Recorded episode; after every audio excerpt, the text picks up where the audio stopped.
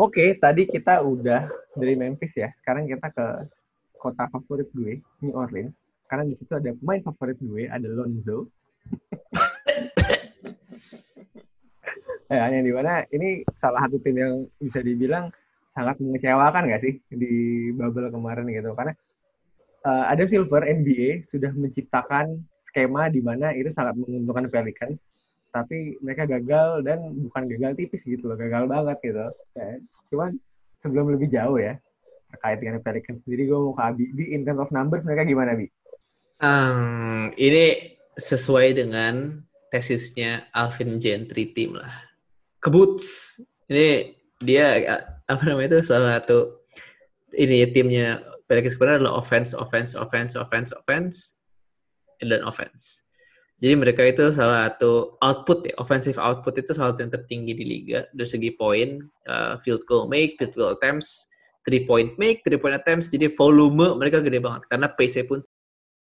Tapi ketika lu and then also kind of their rebounds juga inflated karena karena hal itu dan mereka ya one of the best in in the league in terms of kind of uh, sharing the ball juga in terms of assist karena again transition you have Lonzo you have Zion you have Brandon Ingram they then they're practically all young players lo run run run run run.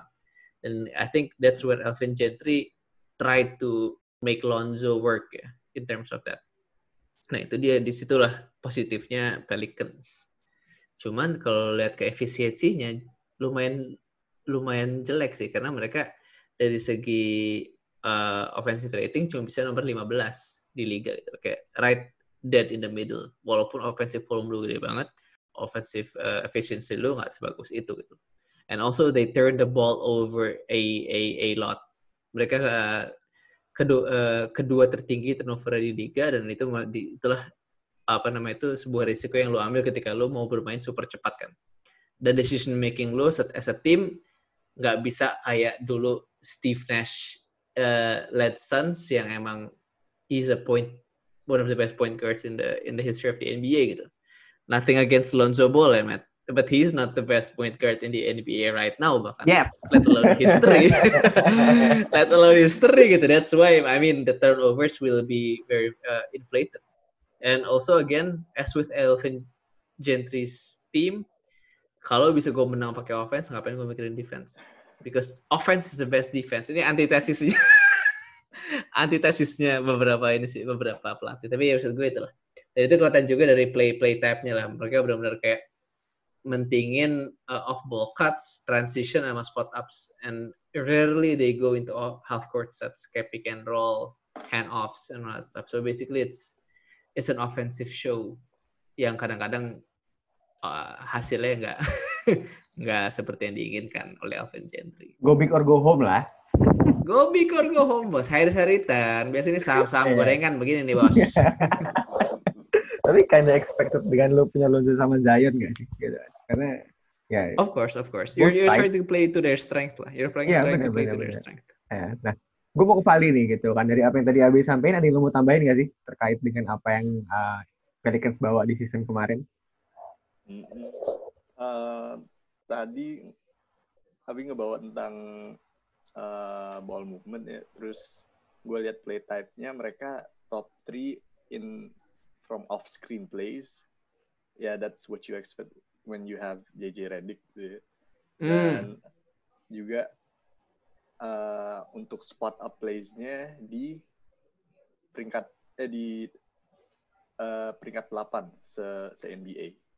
Jadi ya yeah, you have players like Brandon Ingram, Lonzo Ball, terus Drew Holiday juga yang bisa collapse defense dan ngasih-ngasih bola enak ke yang three point atau ke yang di elbow dan sebagainya.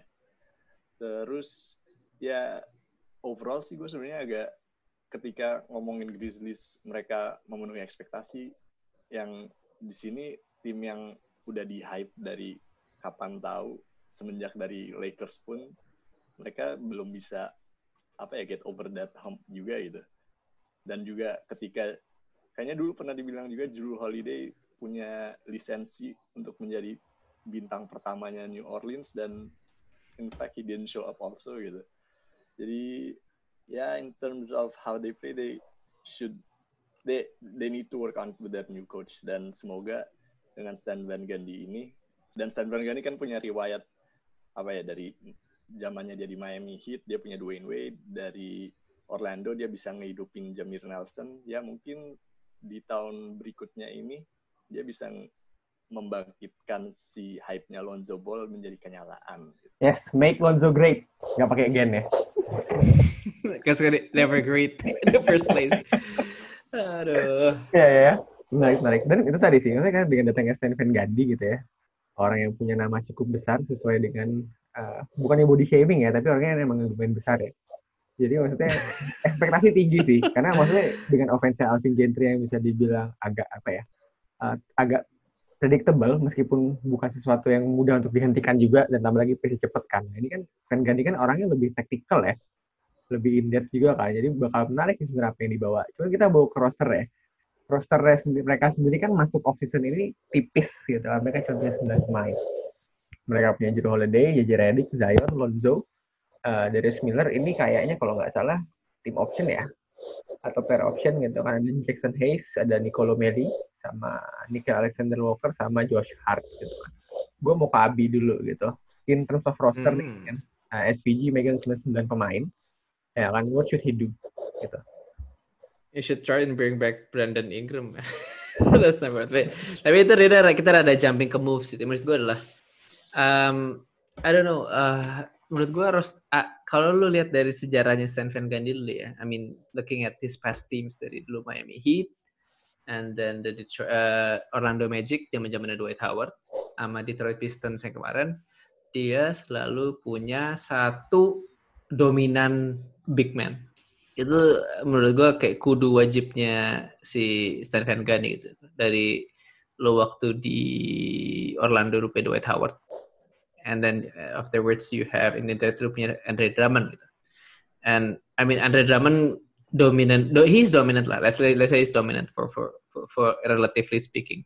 And then maksud gue sekarang di roster ini gue ngeliat ada that particular big man yang bisa dijadikan sebuah sebuah full sebuah pusatnya play uh, tim Van Gundy gitu. And that's that's where I think they uh, that's gonna be apa ya gimana caranya Stan Van Gundy bisa either dia adapt to the current NBA game karena dia suka main one dominant center and four out. That's what he like gitu. And that's why sekarang dengan roster kayak gini ya I don't see someone unless he wants to go the experimental route and put Zion at the five and make him that the make him the Dwight Howard, make him the Andre Drummond of this team gitu. And seeing from what what I see juga maksud gue adalah ya yeah, that's super nice gitu. Kalau lu bisa naruh Zion di lima kan. Uh, I I think that can work in a limited atau in, in a very very small sample of time. The second problem adalah you don't have a good half court point guard slash playmaker. Again, Matt, nothing against Lonzo tapi Lonzo ya jagonya di transition offense. Transition. Iya, iya, iya. I mean, we we know that, right? He's a he's a, he's a, he's a savant. Bahasa gue he's a he's a really good play, uh, transition playmaker. Tapi in the half court, it's easy to game plan around him. That's why they need that kind of able able minded player yang bisa kontrol bola. Kayak Jamir Nelson waktu di Magic kan. Mm -hmm you have waktu di waktu di ini Tapi, ada bermasalah sebelum, sih. At least Reggie ya, Jackson ya, lah. Gue mau memasang uh. my BBB tinted glasses dulu ya. Maksudnya. Oke, okay, silakan. When we speak about uh, good half court uh, playmaker ya. Uh. Ini mana ini tapi gue tidak akan berangkat dengan basis yang sangat kuat ya. Ini berdasarkan sepengetahuan aja gitu kan. Uh, in order buat ngejalanin itu, lo butuh more than capable outlet pas nggak sih? Maksudnya, gue pegang bola nih, ya kan? Hmm. Uh, untuk karena playmaking kan berarti kan lu membuat play untuk orang lain kan. Gimana caranya gue mau jadi let's just say a good half court playmaker kalau misalkan gue tidak punya orang yang bisa membuat space untuk gue kasih bola juga gitu loh. Uh, apa namanya argumen gue. Make sense gak? Wait wait. Maksud gue, I mean kayak apa ya? Kayak let's say kadang-kadang karena lu lihat uh, di tim-tim yang flank pen kan dipegang tuh they mainly run pick and rolls as a start of the offense. That's that's that's a given or handoffs Hmm. Dan itu dia maksud gue kalau lu the main the main quote unquote the main uh, passing atau the main offense starter play starternya adalah Lonzo gitu loh. Lu mau pick and roll, I just go under the screen and then the play won't develop karena nggak akan ada rotation man yang untuk nutup si roll man-nya kan. Which Hmm. means your shooters won't be open. Dan maksud gue that's that particular not necessarily bukan decision making tapi the threat of pulling up and hitting a three at an average NBA rate is enough for the gravity buat rollman-nya bisa comfortably either get the ball atau attract help from the corners atau from the shooters untuk open up those three point shots gitu. Nah, maksud gue that's that's what menurut gue yang masih kurang gitu loh. Dan tapi ini juga maksudnya that's why I see it this year Van Gundy bisa eksperimen banget karena not necessarily Lonzo has to play in the in that particular spot, Matt. Karena Lonzo bisa aja main di uh, in that shooter's role. Yes. Karena as, as kalau lu ambil angka bubble, ini juga kita juga pernah bahas kan waktu dulu di bubble, waktu kita belum setenar sekarang. Di Instagram kita bilang, kita pernah nge-post bahwa di bubble lo angkanya Lonzo itu jelek banget, tapi Katro sebelum West. bubble, Katro banget, tapi sebelum bubble he's actually serviceable from the three point line. Yes, hampir 40 And persen kalau salah kan? Iya, MVP eh hampir 40 hampir 30 ya 30 atas lah. Ah, Tapi maksud gue, kalau lu put him in the half court as a shooter, and then in anything in transition as that playmaker, you can actually get the best out of Lonzo gitu. That's why menurut gue first year ini it's gonna be an experimental phase banget buat Stan Van Gundy gitu. Kalau ini masa-masa make Lonzo great. ini menurut gue ya masa-masa kalau masa-masa remajanya Van Gundy lah di di, di coaching yearsnya kayak oh aku bisa coba eksperimental coba kanan coba kiri liberal masa-masa liberalnya Stan Van Gundy gitu sih kalau menurut gue bos Ya, ya, ya, ya. Yang menarik nih sebenarnya gue ngeliat eh, kan basically speaking ya ini tim juga agak agak unik ya. Banyak pemain muda tapi ada eh, bisa dibilang di piece core piece-nya juga masih ada yang relatif tua gitu kan. Lu punya Jiro Holiday sama JJ Redick sendiri. Seperti yang kita tahu dari berita-berita di major media outlet kan bisa dibilang Jiro Holiday udah open buat moves dan gue lupa apakah dari front office-nya atau dari Holiday-nya sendiri gitu kan. Tapi gue mau ke Valdi nih gitu kan. Eh, let's just say Drew ini akan dipindahin gitu kan. Menurut lo piece yang cocok tuh buat di uh, Stan Van Gundy Pelicans siapa sih Val dan kenapa? Peace, peace kayaknya gue akan ngomongin per, eh maksudnya sesuai posisi aja, soalnya gue kurang tahu juga marketnya untuk posisi ini tuh gimana, karena tadi kayak sesuai Abi bilang, kayaknya emang mereka butuhnya center, center yang bisa apa ya, create his own shots gitu.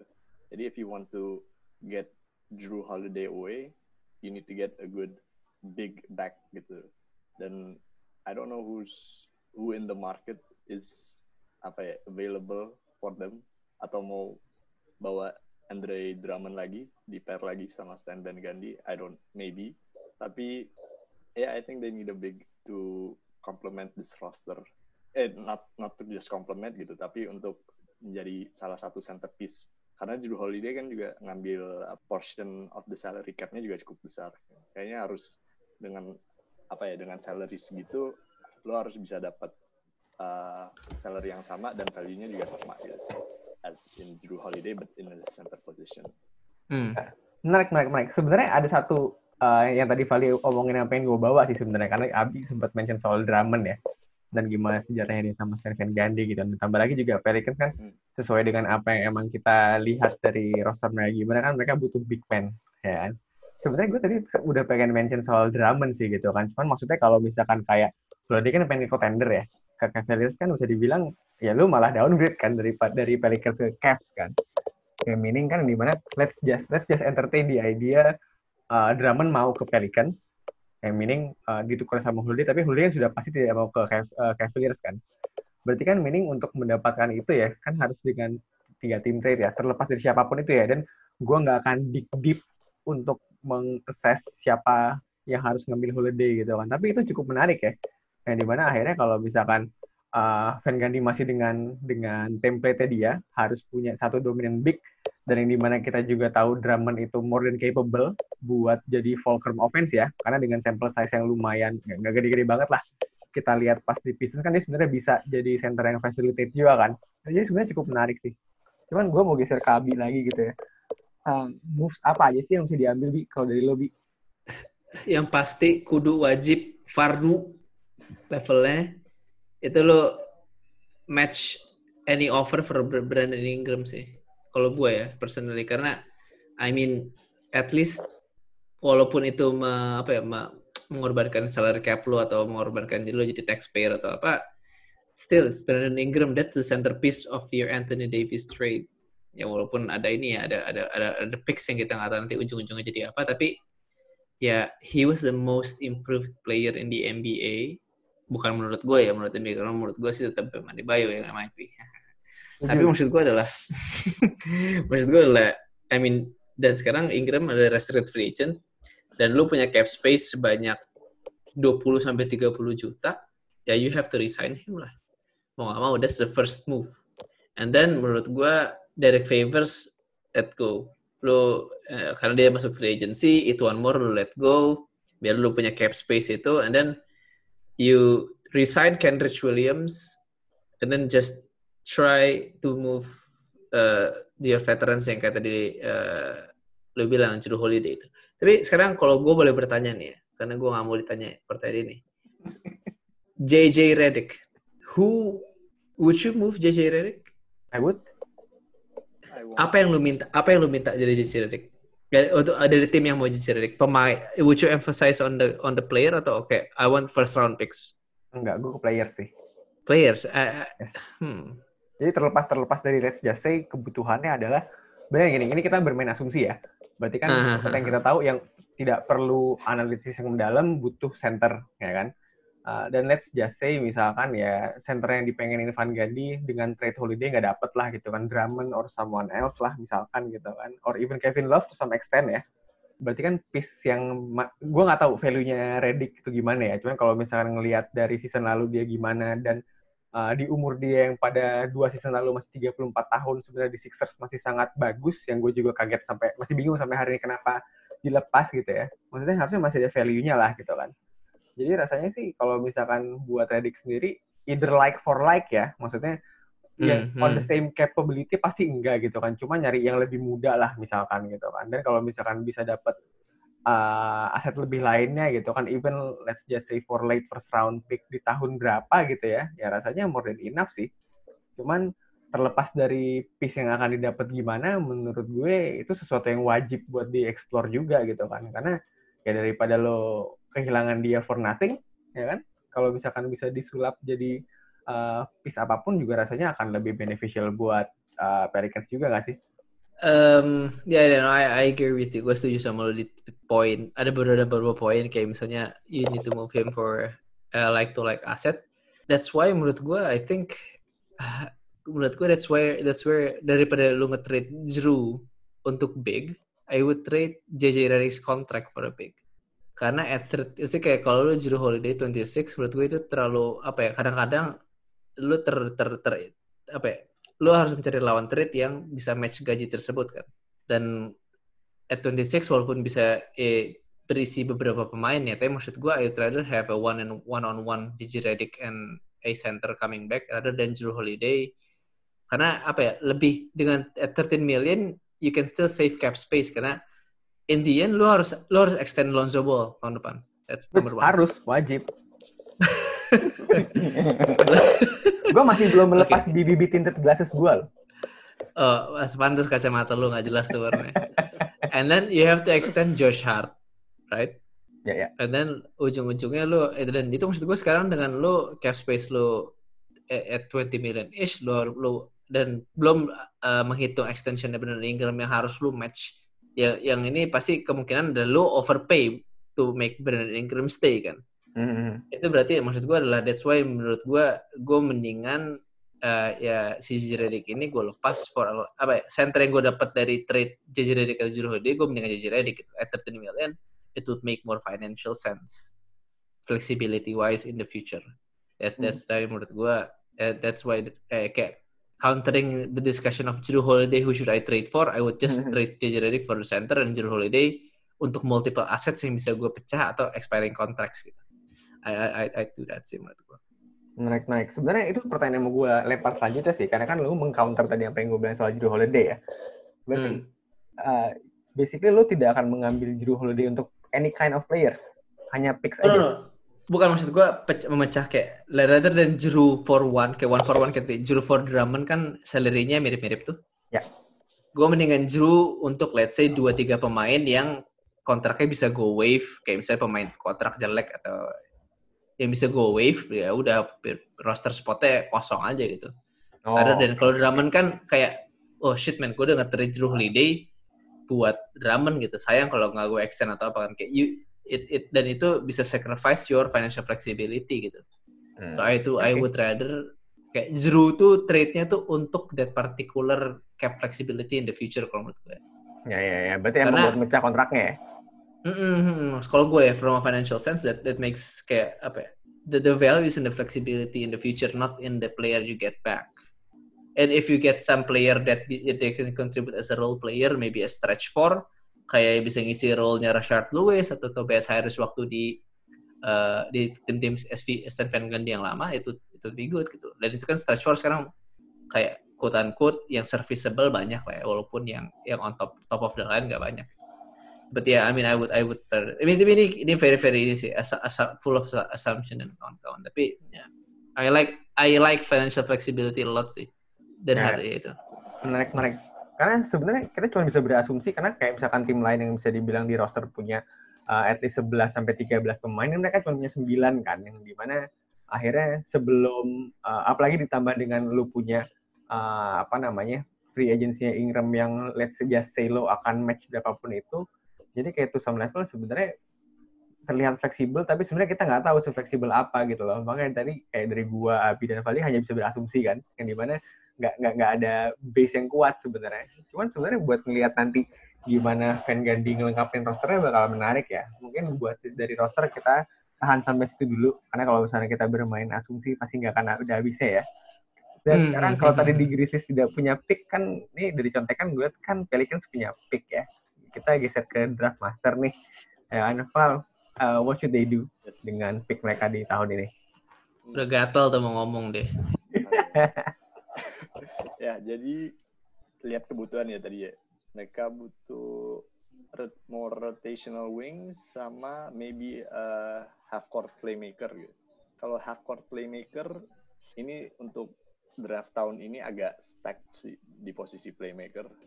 Di kalau kita lihat mocknya tuh mungkin Tyrese Maxey eh, it depends on what kind of guard you're looking for ya kan? Mm -hmm. terus jadi mungkin gue coba ambil yang dari atas ke bawah.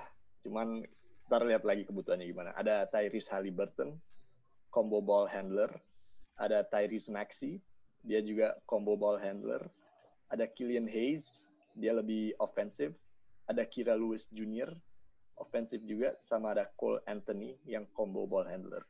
Kayaknya kalau menurut gue untuk half court play Tyrese Halliburton mungkin bisa dan Killian Hayes juga oke okay banget deh. Kalau Tyrese Halliburton dia bisa knockdown three kalau lagi kosong, acceptable rate, terus playmaking skillsnya juga ada.